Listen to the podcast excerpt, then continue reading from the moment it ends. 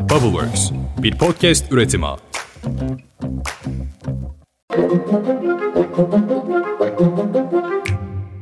Günaydın. Bugün 31 Mart 2023. Ben Özlem Gürses, Bubbleworks Media ve Pushholder ile birlikte hazırladığımız 5 dakikada dünya gündemine hepiniz hoş geldiniz. Öyleydi böyleydi. 2023'ün ilk 3 ayını geride bıraktık arkadaşlar. Yarın 1 Nisan şakası yapılacak pek bir şey yok gibi. Seçime 44 gün kaldı. Ha bir şey söyleyeceğim. Kanalımızı takip almayı unutmuyorsunuz değil mi? Lütfen. Hadi başlayalım.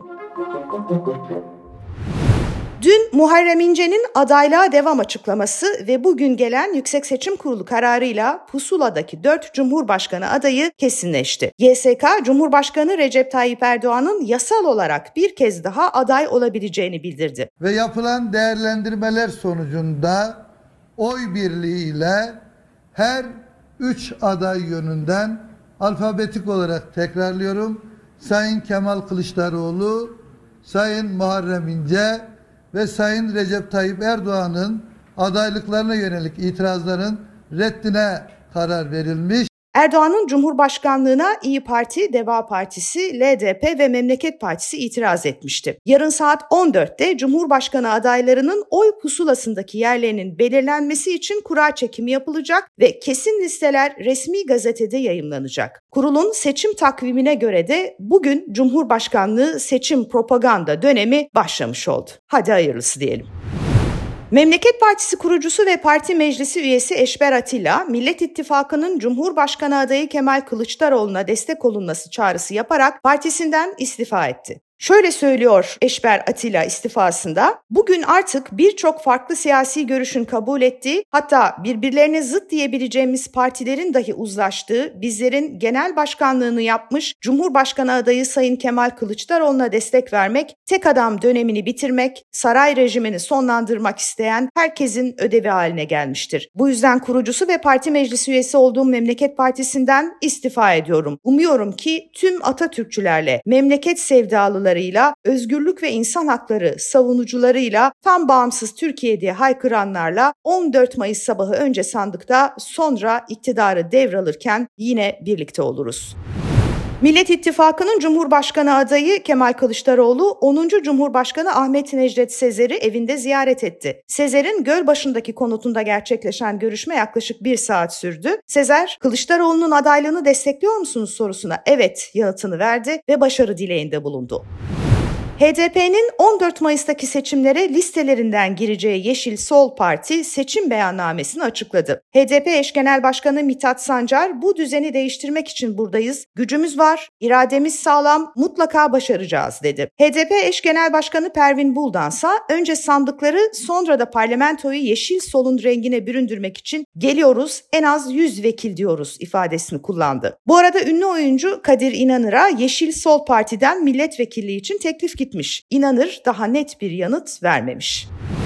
Türkiye İşçi Partisi'nden de Halk TV ana haber sunucusu İrfan Değirmenci'ye vekillik adayı teklifi gitmişti. Değirmenci haberi birkaç güne kadar Halk TV'de bayrağı bir başka meslektaşıma devredeceğim. Size hiç yalan söylememiş olmanın iç huzuruyla kendimi sizlerin ellerine, oylarına emanet edeceğim. Türkiye İşçi Partisi milletvekili adayıyım dostlar diyerek duyurdu. 1960'larda mecliste sınırlı sayıda vekille fırtına gibi esen 2020'lerin başında Erdoğan iktidarının sonunda 4 kişiyle 400 kişilik muhalefet eden Türkiye İşçi Partisi'nin 5. vekili olmaya adayım. Sevgili İrfan'a kalpten başarılar diliyorum.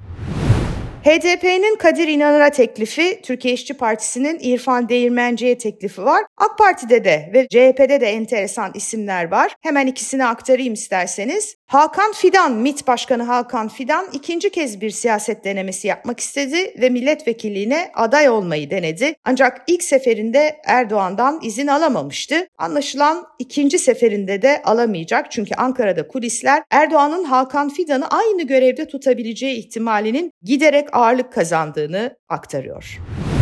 CHP'nin içinde de bir başka flash haber var, bir aday haberi. Eski Büyük Birlik Partisi lideri Muhsin Yazıcıoğlu'nun oğlu Fatih Furkan Yazıcıoğlu'nun CHP'den aday gösterileceği söyleniyor. Hatta bunu bizzat Saadet Partisi Genel Başkanı Temel Karamollaoğlu ifade etti. Mesela Sivas'ta Yazıcıoğlu'nun oğlu İstanbul'da cami müezzininin kendisinin CHP'den aday olması önemli dedi. Demek ki Sivas'ta Furkan Yazıcıoğlu CHP'den aday.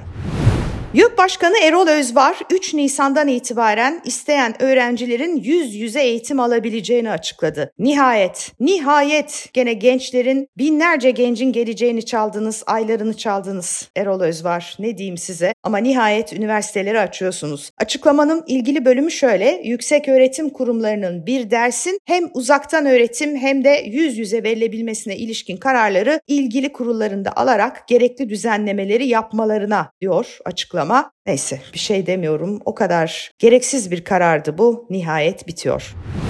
Almanya işçi arıyor. 778 bin Türkiye yılda 50 bin avro maaşla iş hazır. Tıp, mühendislik, bilgisayar programcılığı, finans sektörü çalışan aramaya devam ederken yıllık ortalama brüt gelir 50 bin avroyu yaklaşık 1 milyon TL'yi buluyor. Birçok restoran yılda 30 bin avro maaş vaadiyle Türkiye'den garson getirtmeye çalışıyor. Türkiye'den binlerce kişi kolay vize ve çalışma izniyle Almanya'ya gidebilecek. Dil bilenler, gençler ve diploması olanlar öncelikli olacak. Bu arada piyasalarda yükseliş devam ediyor. Dün avro yine rekor yeniledi. Güne 20,89'dan başladı ve tarihi zirvesini gördü avro. Dolar da yukarı yönlü ivmesini sürdürüyor.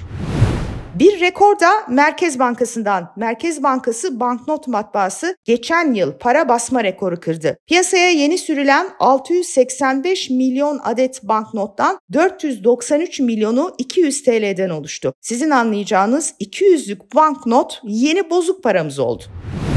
Memlekette her üç işsizden biri üniversiteli. Milyonlarca genç eğitimini aldığı mesleklerini yapamıyor, asgari ücrete ya da daha düşük bir paraya güvencesiz işlerde çalışmak zorunda kalıyor. İşkur'un 2022 yılı verilerine göre iş bulmak ümidiyle İşkur'un mesleki eğitim kurslarına başvuranların %25'i de üniversite mezunu.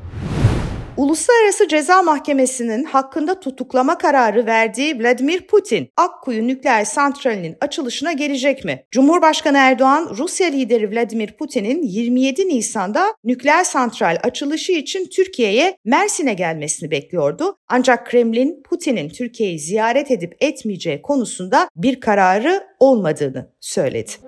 Evet bu haftayı da böylece devirmiş buluyoruz. Dediğim gibi yarın Nisan başlıyor. Seçime kaldı 44 gün. Pazartesi sabahı tekrar görüşünceye dek hepinize mutlu bir hafta sonu olsun. Hoşçakalın.